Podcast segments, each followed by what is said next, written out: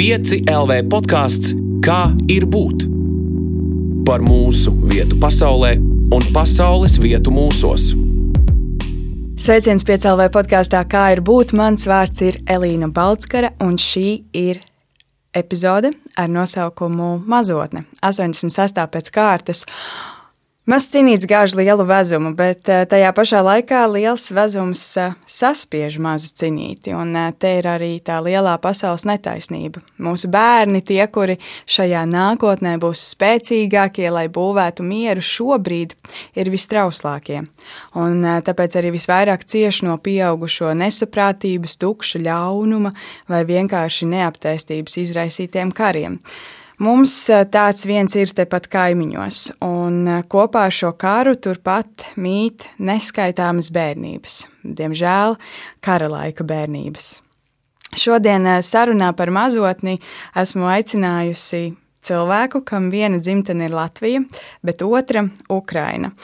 Un es runāšu ar vienu no trīs cilvēkiem, kurš šogad pavadīs nedēļu dot pieci stikla studijā ar Edgars Vilcēnu. Labrīt, labdien! Labrīt, labdien, čau!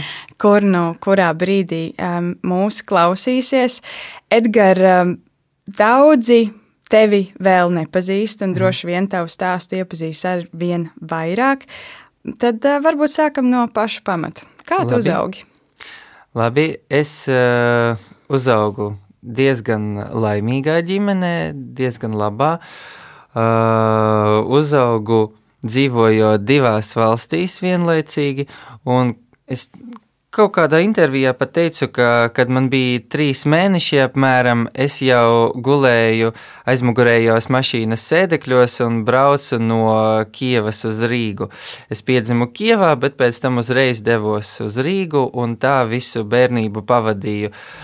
Man bija tā, protams, ka es ilgojos pēc Rīgas, kad ilgi atrados Kievā, un otrādāk, nu, visu laiku bija tā, ka gribas gan tur, gan tur būt vienlaicīgi. Un vēl uh, ir bijis tā, ka, piemēram, mamma vairāk laika dēļ darba pavadīja Kievā, tēvs Rīgā, es mācījos Rīgā, nu, un, protams, es ilgojos pēc mammas, pēc Kievas, un man asociējās Kievā ar kaut ko ļoti gaišu, droši vien tāpēc, ka tur bija mamma.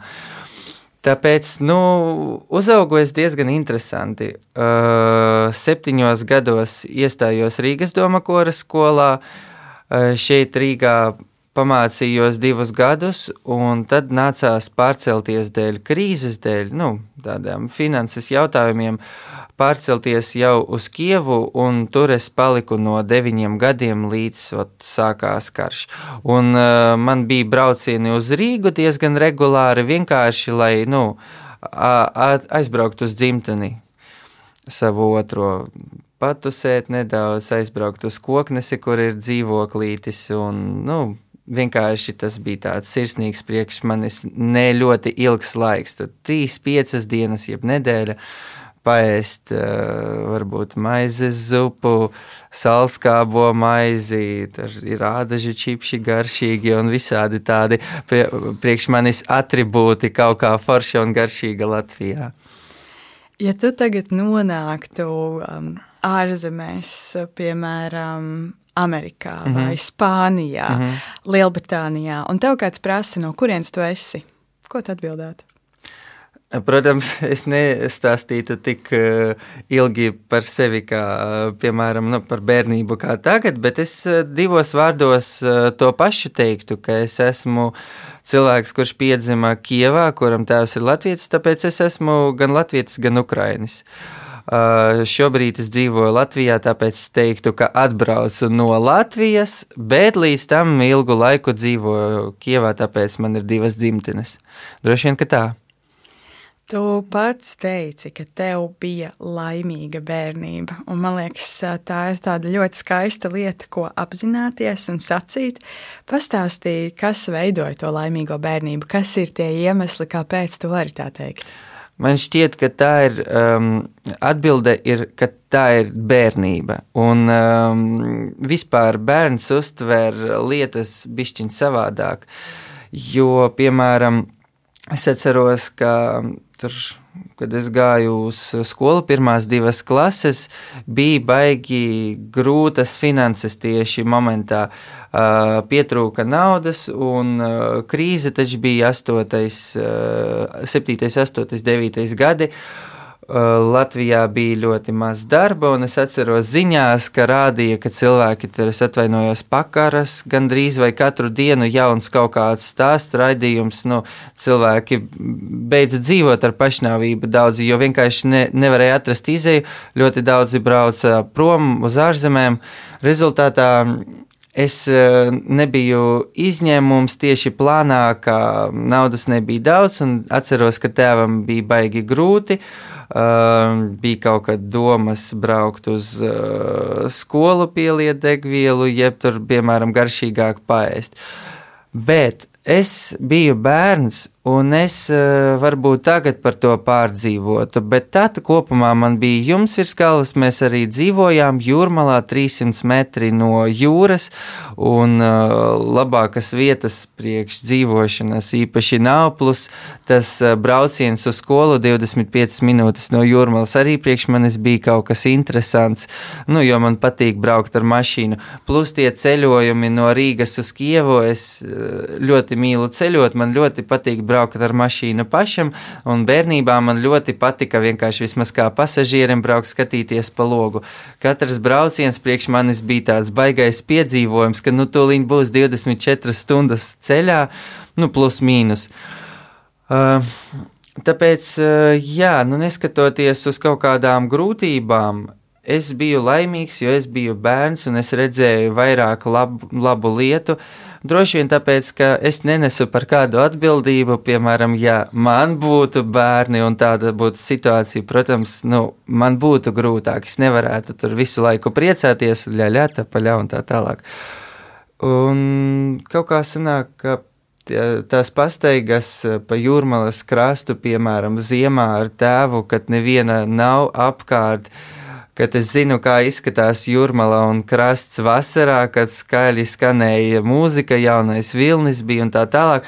Un man likās, ka tik forši es tik unikāli jūtos, ka es staigāju pa jūrmalu, piemēram, vēlu vakarā, kad neviena apkārt nav, ir arī ļoti skaisti, un cilvēki to neredz pārējie. Nu, bija daudz sīkumu, kuri veidojot prieciņus. Tu stāstīji par attiecībām ar eh, ģimeni un um, kaut kādu nu, dabu un ceļu, ja tā varētu teikt. Mm. Kādas bija tavas attiecības ar citiem bērniem? Vai tu biji sociāls, vai tu gāji tur spēlēt bumbu vai kaut kādas citas spēles? Nu, es uh, biju sociāls Es biju sociāls gan Latvijā, un eh, Rīgas Doma koras skolā man palika daudz labu paziņu. Es, kad aizbraucu pēc otrās klases uz Kievu, atbraucu, kad bija brīvdienas, eh, man, jau biju 4. klasē, atbraucu atpakaļ uz RDKS, vienkārši iegāju, un kaut kāds eh, džeksiet garām, saka, vai tu neesi Edgars? Es skatos uz viņu un saprotu, ka es nekad dzīvē neesmu redzējis viņu. Es saku, jā, kā tu man zini. Ah, man par tevi stāstīja, ka tavi bijušie klases biedri, es to liņu visus pasaukšu.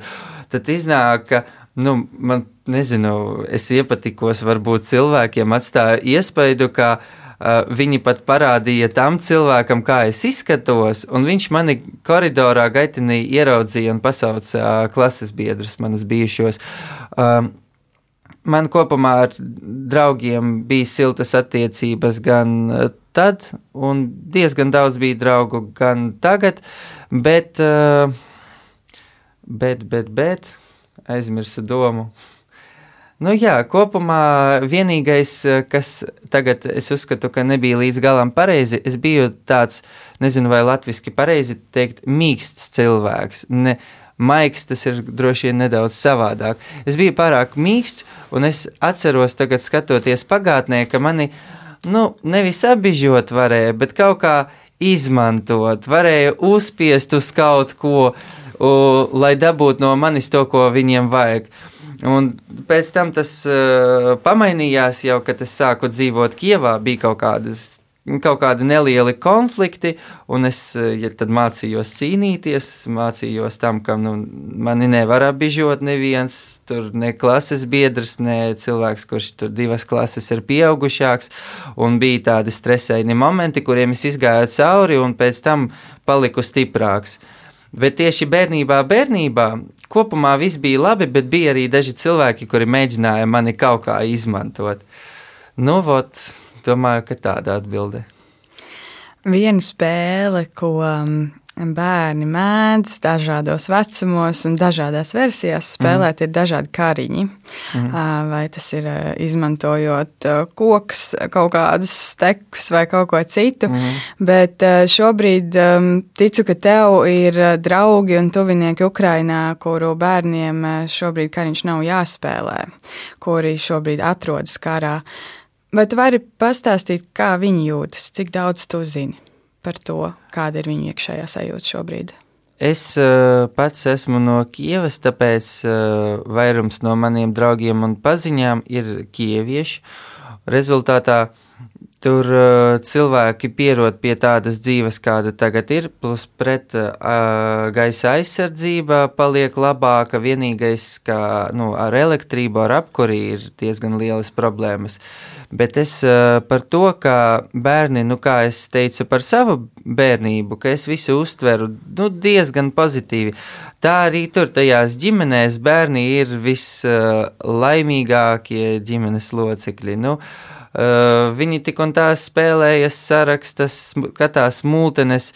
Um, Es nevaru iedomāties, cik ir grūti um, okupētās pilsētās ģimenēm, cik ir grūti tajos brīžos, kad uh, karaspēki iet uz to pilsētu un tu, piemēram, nepaspēji evakuēties, aizbraukt.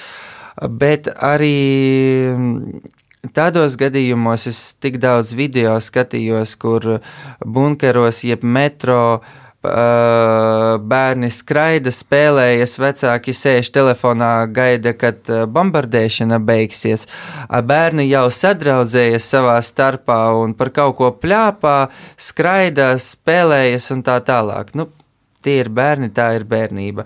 Un arī par kariņu tieši par spēli. Es arī ļoti daudz redzēju visādos publikos, kā bērni grib tēlot arī tos varoņus, ukraiņu bruņoto spēku nu, dalībniekus, ja tā var teikt. Um, un uh, arī staigā ar kociņiem, stāv kā teroboronā, piemēram, taisa blokpostus, nelaiž mašīnas. Uh, Tur ļoti daudz video, kad mašīna piebrauc, nolaiž logu, tur trīs, jeb četri bērni stāv ar kociņiem, saka, uh, paroļči, kot, viņš saka, slava Ukraiņi.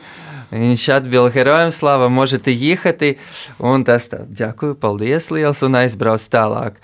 Nu, priekš Ukraiņu bērniem mūsu armija ir varoņi. Tā nu, sanāk, valsts, kur ir daudz mazāka par ienaidnieka valsti, jau tik ilgi turās un neiedeva. Nu, Neiedeva aizkarot pat vienu trešdaļu no valsts, un vēl arī atbrīvo visu laiku regulāri teritorijas, cik nebūtu grūti ar ieročiem, tik un tā cīnas, un nu, tie rezultāti ir šokējoši no pirmajām dienām. Tāpēc bērni arī, protams, redz to cilvēkus kā, nu, kā Spidermanu, kā Batmanu, kā tur amerikāņu bērni redzēja kaut kādas multines supervaroņus.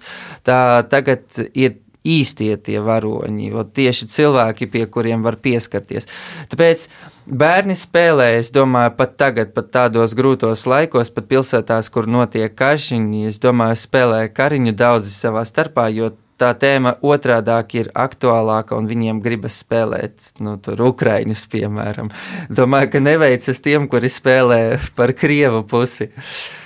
Nu tā.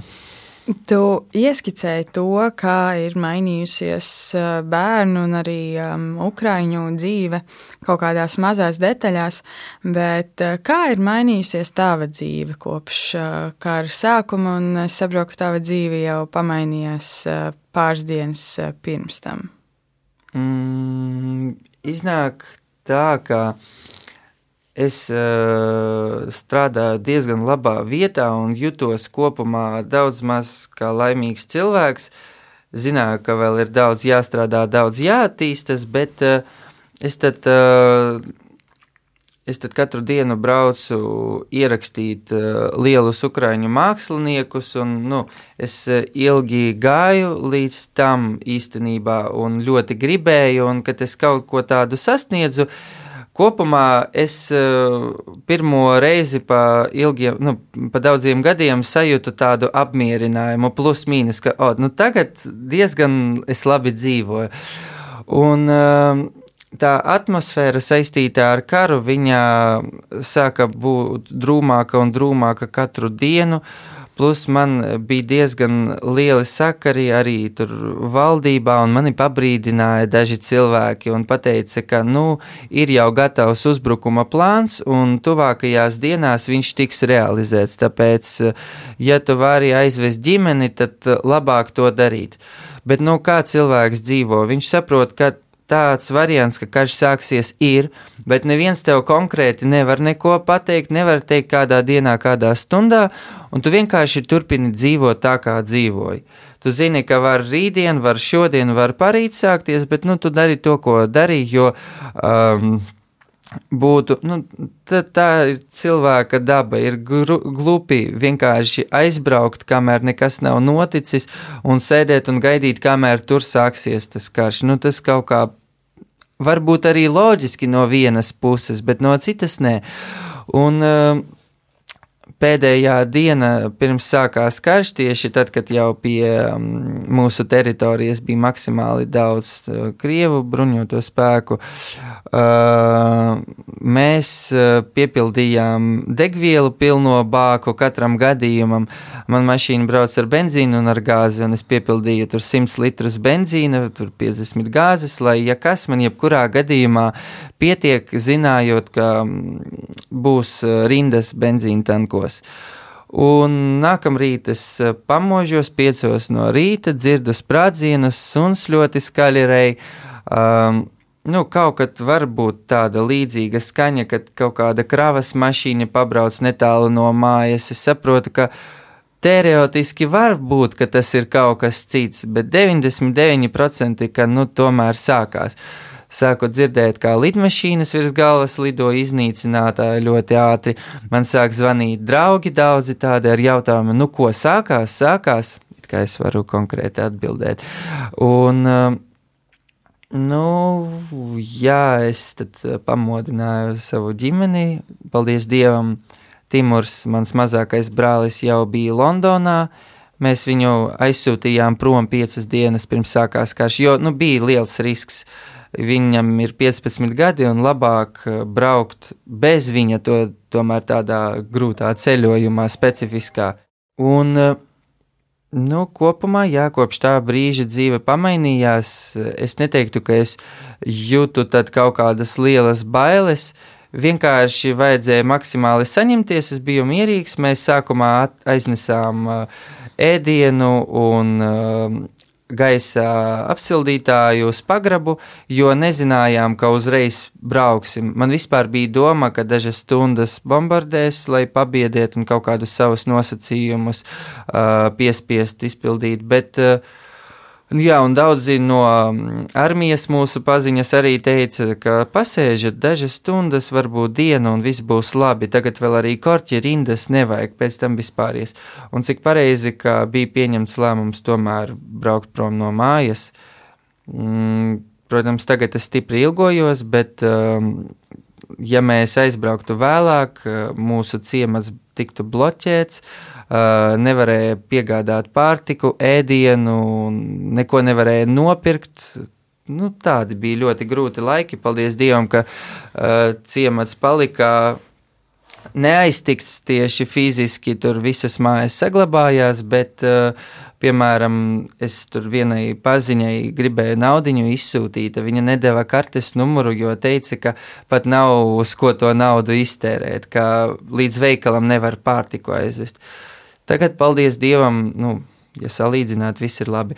Jā, un mana dzīve, protams, kopš tā mirkļa pamainījās. Pēc tam es atbraucu uz Latviju un vajadzēja sākt visu pa jaunam. Es jutos Ukrainā daudz maz stabili, kaut kā jūtu, ka nu, karjera attīstas, un te es saprotu, ka visa tā vairs nav. Vienkārši visas tās dzīves uzredzēšanos, un ir jāsāk darīt kaut ko nu, no nulles jutos kā tīra lapa, bija grūti morāli īstenībā, bet es sevi mēģināju nomierināt ar to, ka tagad ir daudz cilvēku, kuriem ir daudz grūtāk. Nu, tāds klasisks pieejams, ja tev ir grūti, padomā, ka citiem ir vēl grūtāk. Tas īstenībā nepalīdz. Nu, piemēram, es esmu drošībā, kāds, piemēram, atrodas Kievā, tur ir lielāks risks, un man, piemēram, sāp dēļ tā, ka es ilgojos, un dēļ tā, dēļ tā, dēļ tā, viņam sāp dēļ tā, dēļ tā, dēļ tā. Un mēs sazvanamies un saprotam, ka mums ir, nu, vienādi neļoti. Jā, un tad es sāku mēģināt iepazīties ar cilvēkiem, Es vispār esmu introverts, un man bieži patīk vienam pabūt, bet tas nebija tas laiks, kad ir jābūt vienam. Es eh, braucu uz Rīgu, mēs sākumā palikām Liepājā, un es braucu visu laiku uz Rīgu, mēģinot iepazīties ar cilvēkiem. Parādījās eh, Katrīna Gupalo, kura piezvanīja un piedāvāja ierakstīt dažas rindiņas eh, dziesmā Resistance ukraiņu valodā. Viņa rakstīja tad kompozīciju. Um, tad es iepazinos ar Katrīnu Gupalo Uh, ar daudziem mūziķiem, kuri piedalījās ierakstā. Mēs sākām braukāt pa koncertiem, plus es sāku draudzēties ar Armandu Varslavānu. Tas ir bijis studijas saimnieks, kurā tā dziesma tika ierakstīta. Mēs kopā ar viņu sākām sadarboties, un pēc tam es pat pārvācu galdu, kad atnāca mans dators no Kievas, nolika, noliku datoru, savus monitorus, un es blakus istabā uh, sāku producēt. Mēs kopā taisījām projektus, kaut kādus atsevišķi, ja kaut kādus kopā. Nu, pavainījās, jā. Tu teici, ka pirms kara sākuma nu, tu jūties eh, tā labi, tā apmierināts ar uh, savu dzīvi pēc uh, vairākiem gadiem.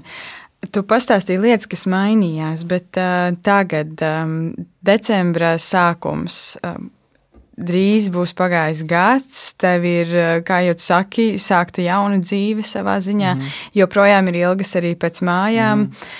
Kā tu kopumā šobrīd jūties? Ja tev vajadzētu pat pastāstīt, kā tu, kā tu vienkārši jūties? Jūtos uh, dažādi, bet uh, vispār, ja teikt, kopumā, tad es kopumā jūtos diezgan labi. Nu, tieši godīgi. Protams, tā ir galvenā tāda, nu, vispopulārākā atbilde, kā iet, kā jūties labi.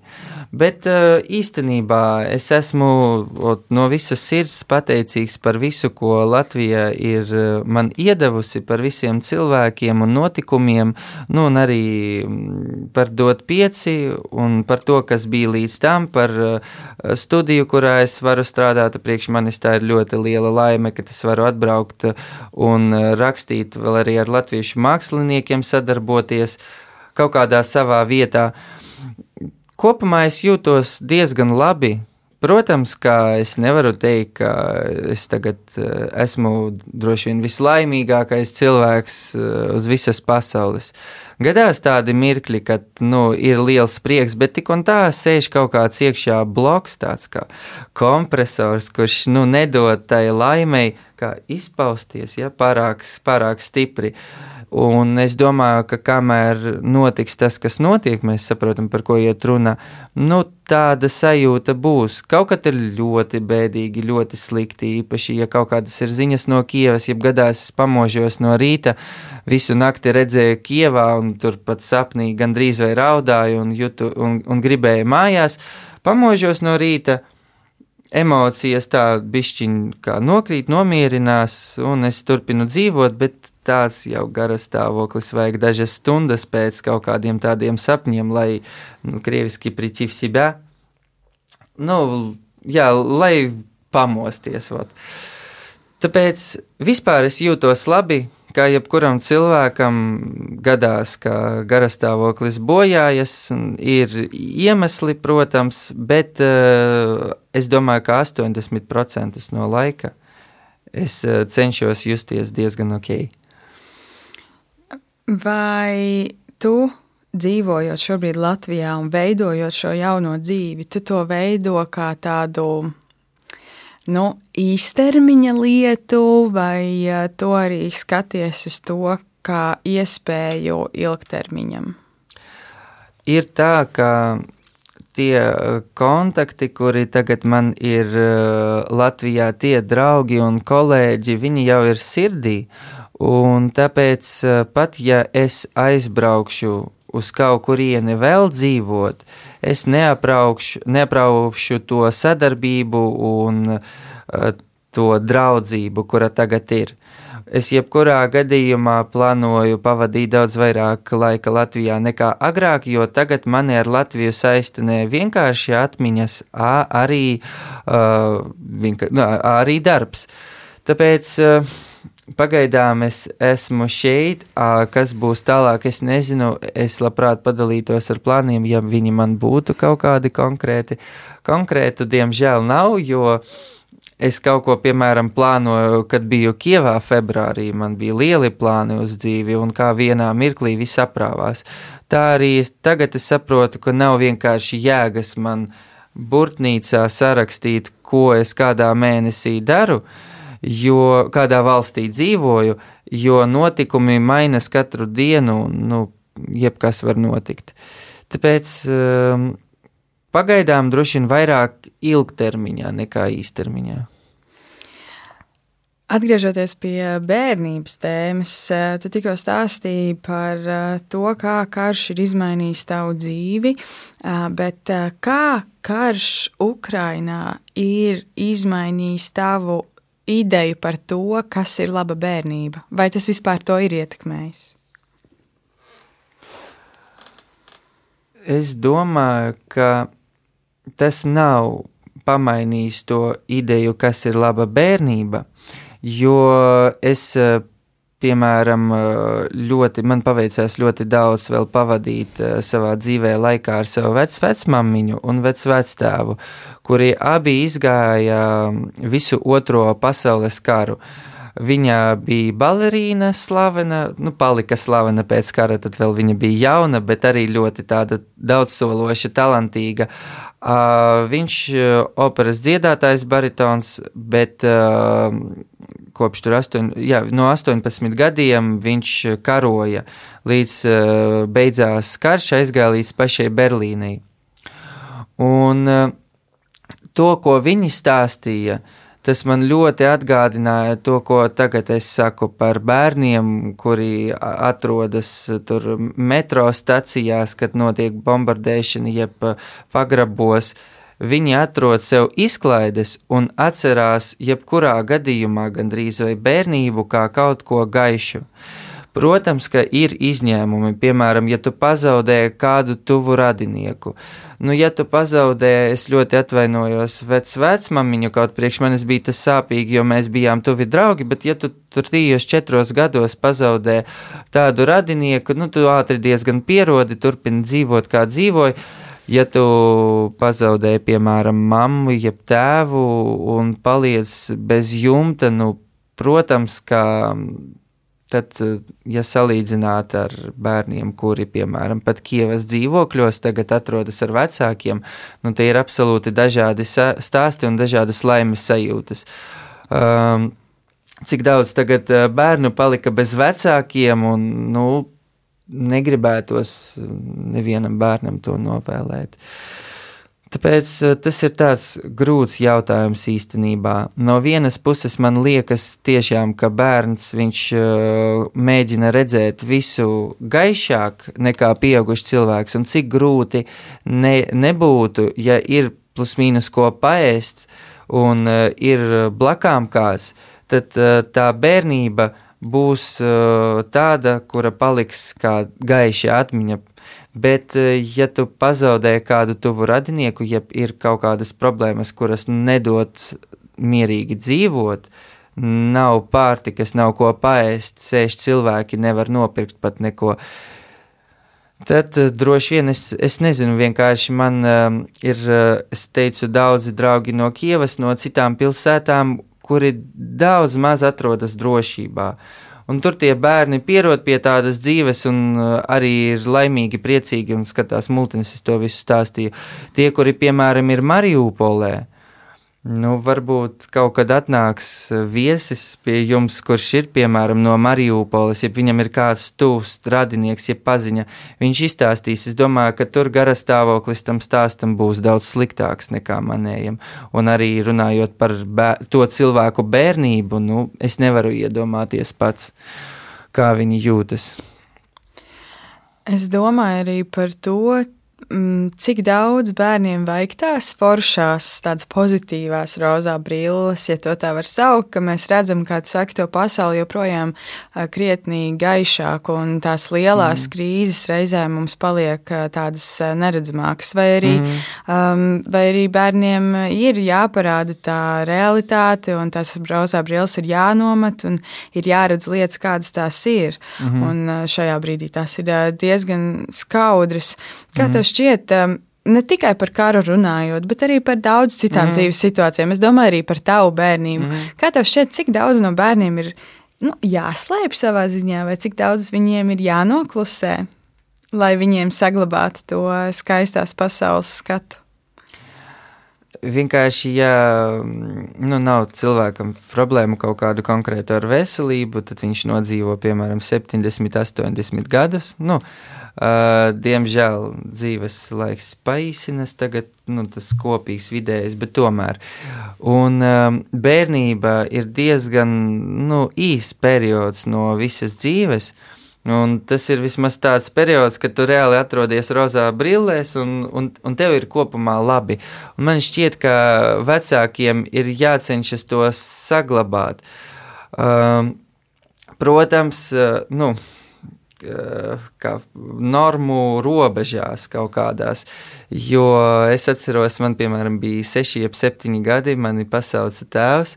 Saka, mums vajag ar tevi nopietni parunāt. Uh, Um, pie tevis gāja Dietmaros Santa Klaus, kā būs Ziemassvētku vecītis. Ziemassvētku vecītis.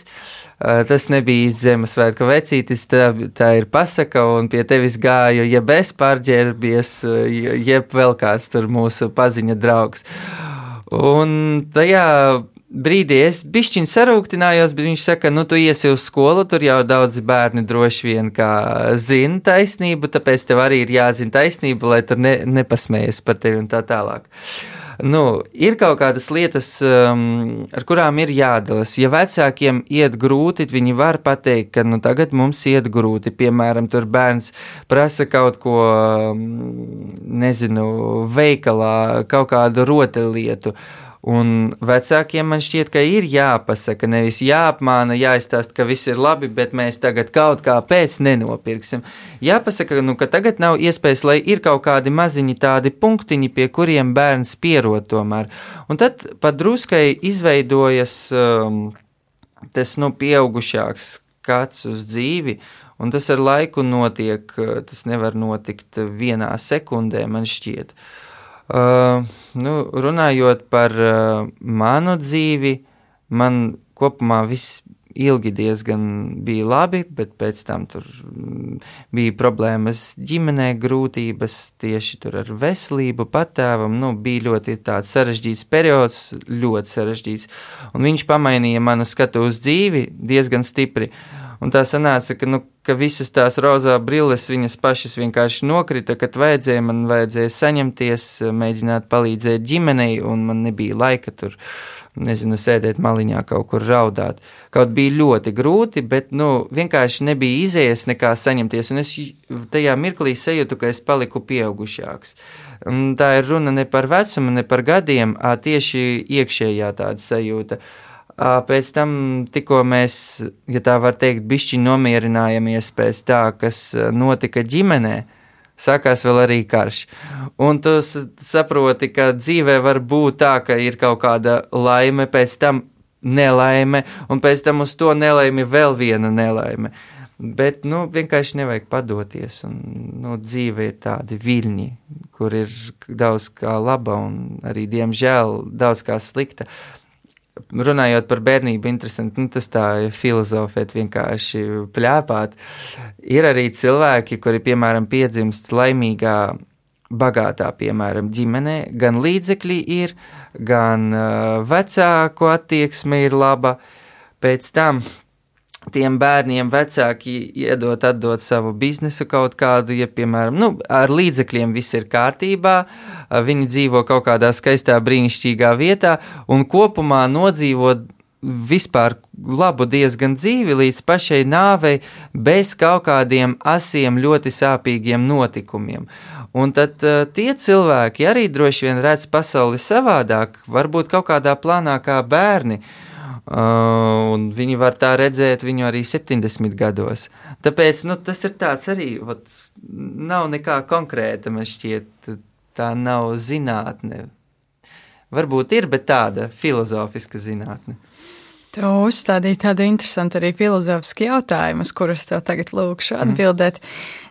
Ir šīs skaudrās dzīves pieredzes, un pareizi tu saki, ka tās visas mums iemāca kaut ko jaunu par mm. šo pasauli. Mm. Un reizēm caur sāpīgām lietām mēs iegūstam nu, kaut kādas atziņas, kas mums palīdz tālāk dzīvē. Un tad tu piemini šo izdomāto cilvēku, kuram šādu atziņu vienkārši nav, mm. jo nav šo skaudro lietu. Mm. Kā tu labāk gribētu dzīvot? Vai ar to varbūt dziļāku redzējumu par pasauli, bet tas nāk caur šīm skaudrajām pieredzēm, mm. vai arī labāk, lai nav tās skaudrās pieredzes, bet nu, tā pasaule arī varbūt tāda virspusīgāka sanāk. Forši jautājums. Droši vien kopumā es gribētu dzīvot uh, vairāk izējot cauri tām grūtajām pieredzēm, jo tu vienkārši paliec uh, bagātāks ar, ar zināšanām, tu paliec gudrāks.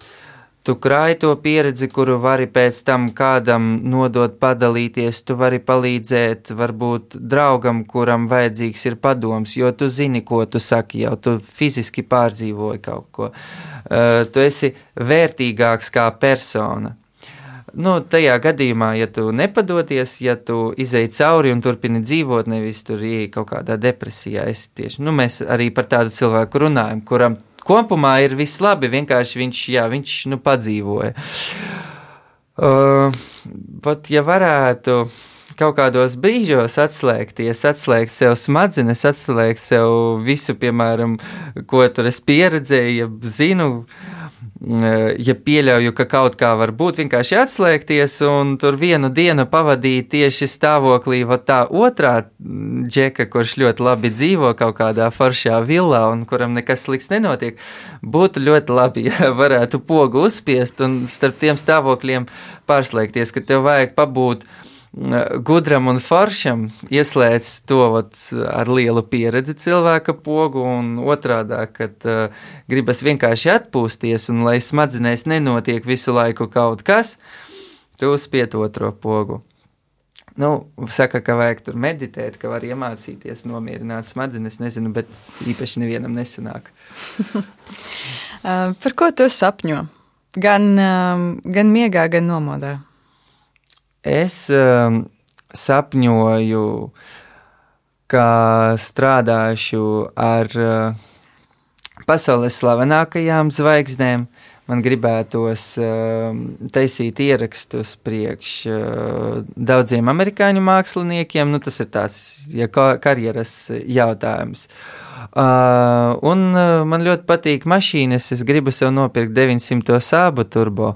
Tā ir veca mašīna, ku, ar kuru brauca mans tēvs kaut kad. Es biju maziņš, un man ir fočine, kur mēs ar viņu stāvam pie tās mašīnas. Pēc tam kaut kas ar viņu notika, pat nestāstīšu precīzi, bet uh, mašīnas tās vairs nebija. Un eh, es kaut kur kopš trījiem gadiem, man bija trīs gadi, es kopš trījiem gadiem meklēju sludinājumus, un man ļoti gribējās nopirkt. Pēc tam, kad man bija gadi 10, 11, 12, tās mašīnas palika ļoti lētas, jo viņas vienkārši bija vecas. Nu, nav retro un nav vienkārši veca. Un viņu varēja tur nopirkt par tūkstoti, pusotru eiro, kas bija nekas vēl, bet tad nebija iespējas, plus es biju maziņš, man arī nebija tās naudas. Nu, un rezultātā tagad viņas labā stāvoklī jau maksā daudz, daudz vairāk, jo tā ir leģendārā retro mašīna. Nu, vot, un ja man būs um, viss forši ar darbu, ja es taisīšu interesantus, uh, labus, uh, dziļus muzikālos ierakstus, producēšu foršas dziesmas, uh, ja tās dziesmas klausīsies cilvēki un novērtēs, Un, ja vēl arī man būs daži tādi ot, sīkumi materiāli, nu, reāli sīkumi, jo tas ir vairāk kā joks. Nu, var nopelnīt nopirkt to sābu, bet nu, tas ir tāds bērnu sapnis. Tad es eh, vispār būtu diezgan apmierināts. Vienīgais, kas mani nekad neapmierina, man vienmēr liekas, ka var rakstīt labāk, miksēt labāk, producēt labāk. Man vienmēr ir tāds nemieris, un pat kad es kopumā saprotu, ka ot, um, dziesma skan diezgan forši. Pēc dažām dienām es saprotu, ka nē, tomēr vajadzēja labāk, vienmēr var labāk. Un es domāju, ka arī tad, kad nu, dod Dievs, es taisīšu tos lielos ierakstus kaut kur Amerikā. Arī būs iekšējā tāda sajūta, ka vajag vēl iemācīties, vajag vēl labāk samiksēt. Uh, bet, vot, kopumā, ja es, es savu dzīvi nākotnē, nu, sapņojot, redzu ne obligāti Amerikā, bet vienkārši taisot lielas dziesmas. Un es vēl gribu sābu. Kopumā man eh, pārējais ir diezgan labi, gan ar privāto dzīvi saistīts, gan, nezinu, man ir labas attiecības arī ar mammu, ar Timuru, man ģimenē viss ir kārtībā ar tēvu. Tāpēc eh, vispārējais man ir forši. Un gribu, lai karš ātrāk beidzas, un es varu mierīgi uh, mierīgi braukt uz Ukrajinu un kontaktēt jau ar mierīgiem, laimīgiem saviem draugiem. Aizmirsu par to pateikt, kaut to es turu visu laiku galvā. Jā, laikam jau tā ir doma, kas um, ir visam pamatā, vai ne? Jā, jā uh, tāpēc teici, arī neteicu.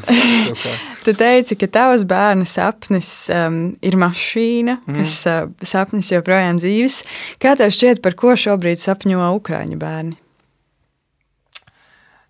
Atkarīgs uh, no situācijas, kurās viņi atrodas. Ir um, tāds eh, formāts teātrī Kievā, kur bērni raksta vēstules ar saviem sapņiem, un uh, pēc tam aktieri, tādi labākie teātra aktieri, tās vēstules lasa. Uh, Un, eh, protams, eh, daudz ir tādu mierīgu, diezgan sapņu, kuri ir līdzīgi tiem, kurus uzrakstītu, piemēram, latviešu kaut kāds bērns, jeb, nu, jebkuras citas valsts, kurā nenotiek karš, bet ir arī tādi, no kuriem aktieri neiztur un vienkārši lasot, eh, sāk raudāt. Um, viens bērns uzrakstīja um, vēstuli uh, savam varonim, karavīram. Nu, tas ir tāds uh, ne, ne konkrēts cilvēks, sabirательный персонаж. Um, nezinu pat kā latviešu pareizi teikt. Nu, tāds personāžs, kurš apvieno sevi daudzus cilvēkus.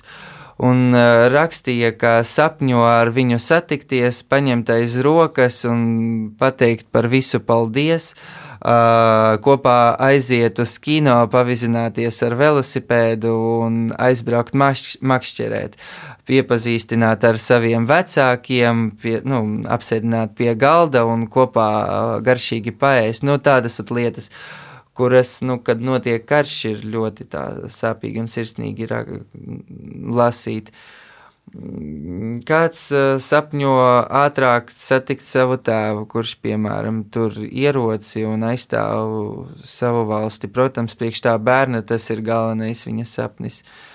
Dod Dievs, ja mm, tas bērns tēvu nu, sagaidīs, tad varbūt parādīsies jau citi sapņi, kā tā pati mašīna, velosipēds, nezinu kas, brauciens, ceļojums, nu kaut kas pozitīvāks, ja var tā teikt. Kaut priekš viņa vispozitīvākais tajā brīdī ir tieši satikt tēvu un vissvarīgākais, visgaišākais moments būtu. Ja tev vajadzētu radīt skaņu celiņu bērnu sapņiem, tev jāuztais tādos mm. bēr, simfoniju bērnībai, mm -hmm. kāda būtu šī mūzika? Viņa būtu diezgan gaiša, augstā reģistrā.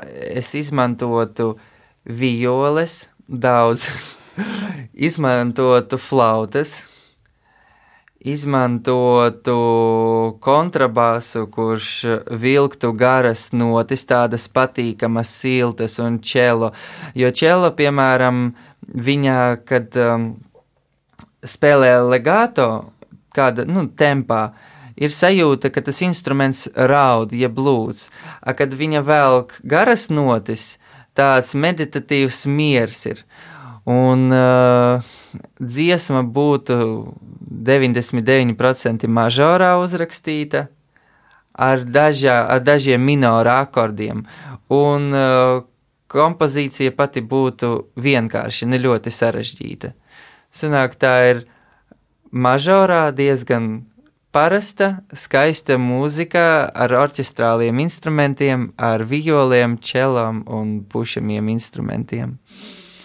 Kā tev liekas, kā vispār mūzika var palīdzēt, atbalstīt vai vēl ko citu šajos kara apstākļos? Jo daudz mākslinieki arī meklē veidus, kā viņi mm. var atbalstīt. Kāds ir tavs skatījums uz to? Uh, vispār es nesen daudz domāju par to, kas ir mūzika visp, nu, kopumā. Kāpēc uh, ir tā, ka uh, cilvēks ir gatavs nopirkt dziesmu, aiziet nu, senajos laikos. Aiziet uz veikalu, nopirkt plati, nopirkt atskaņotāju, ja padomju Savienības laikā um, tur kaut kāds ar kontrabandu dabūt ierakstus ar uh, beatliem, piemēram, Kvīniem un Led Zeppelin, tur Čārlī Parkeru un tā tālāk.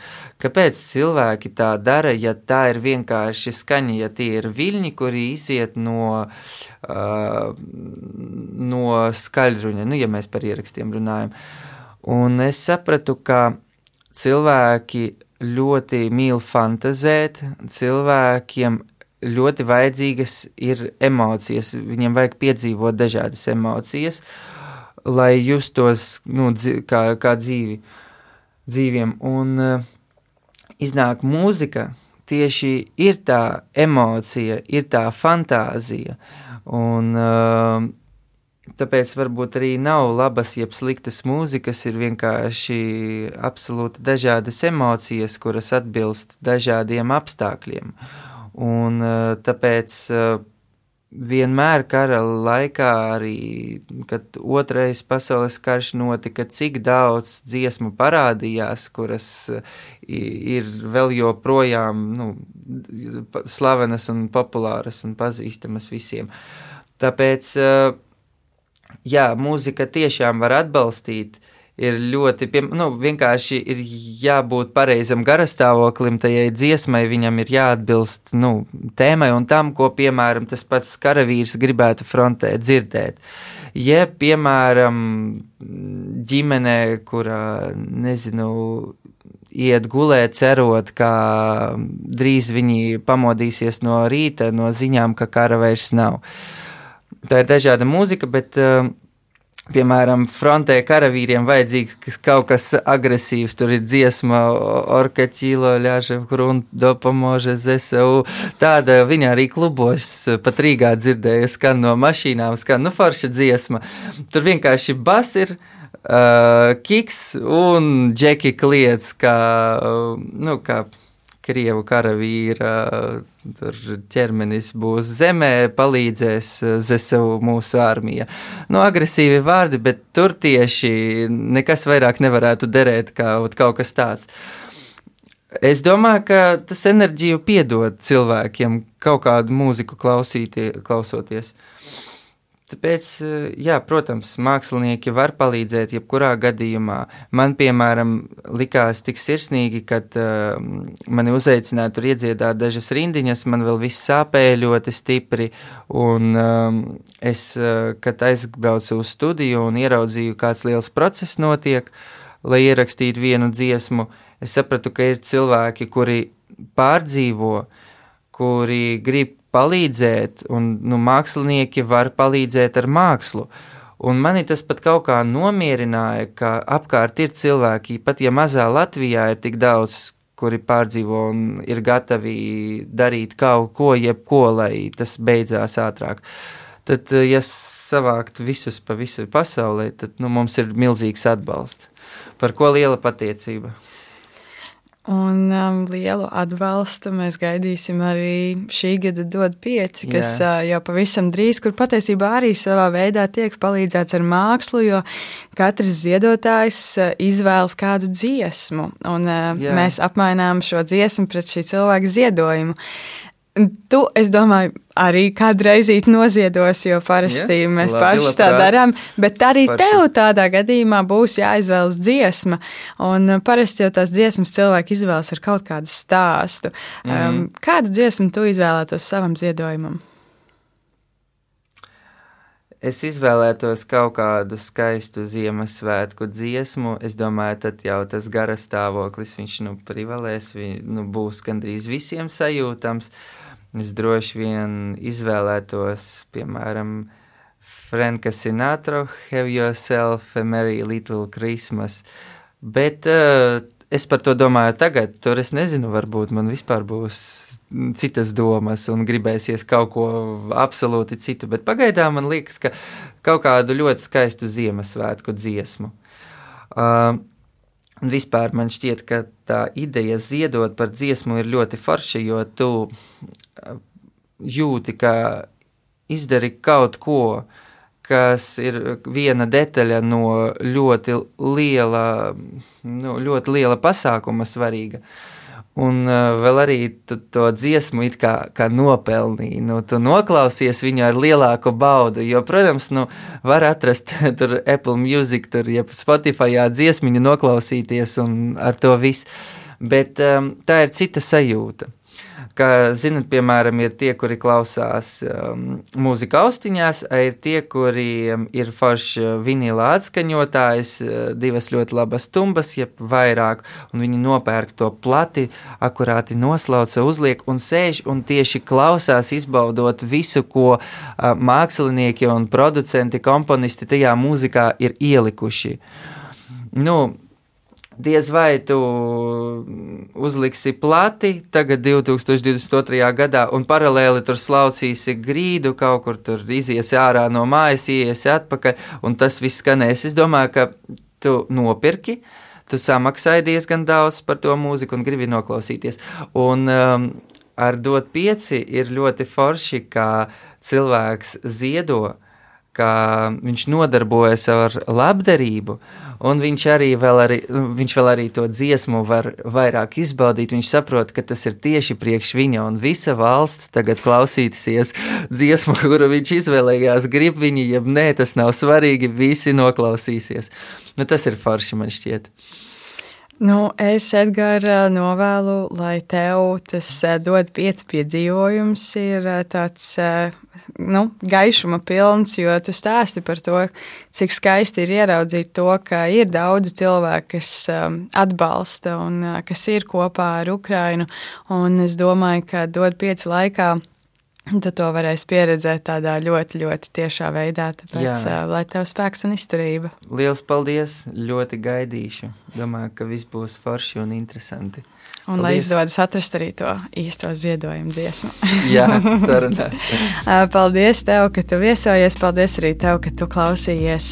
Mēs šajā gadā tiekamies vēl ar vienu epizodi nākamajā nedēļā, un tad jau skatīsimies, kā būs tālāk. Bet pagaidām es saku atā.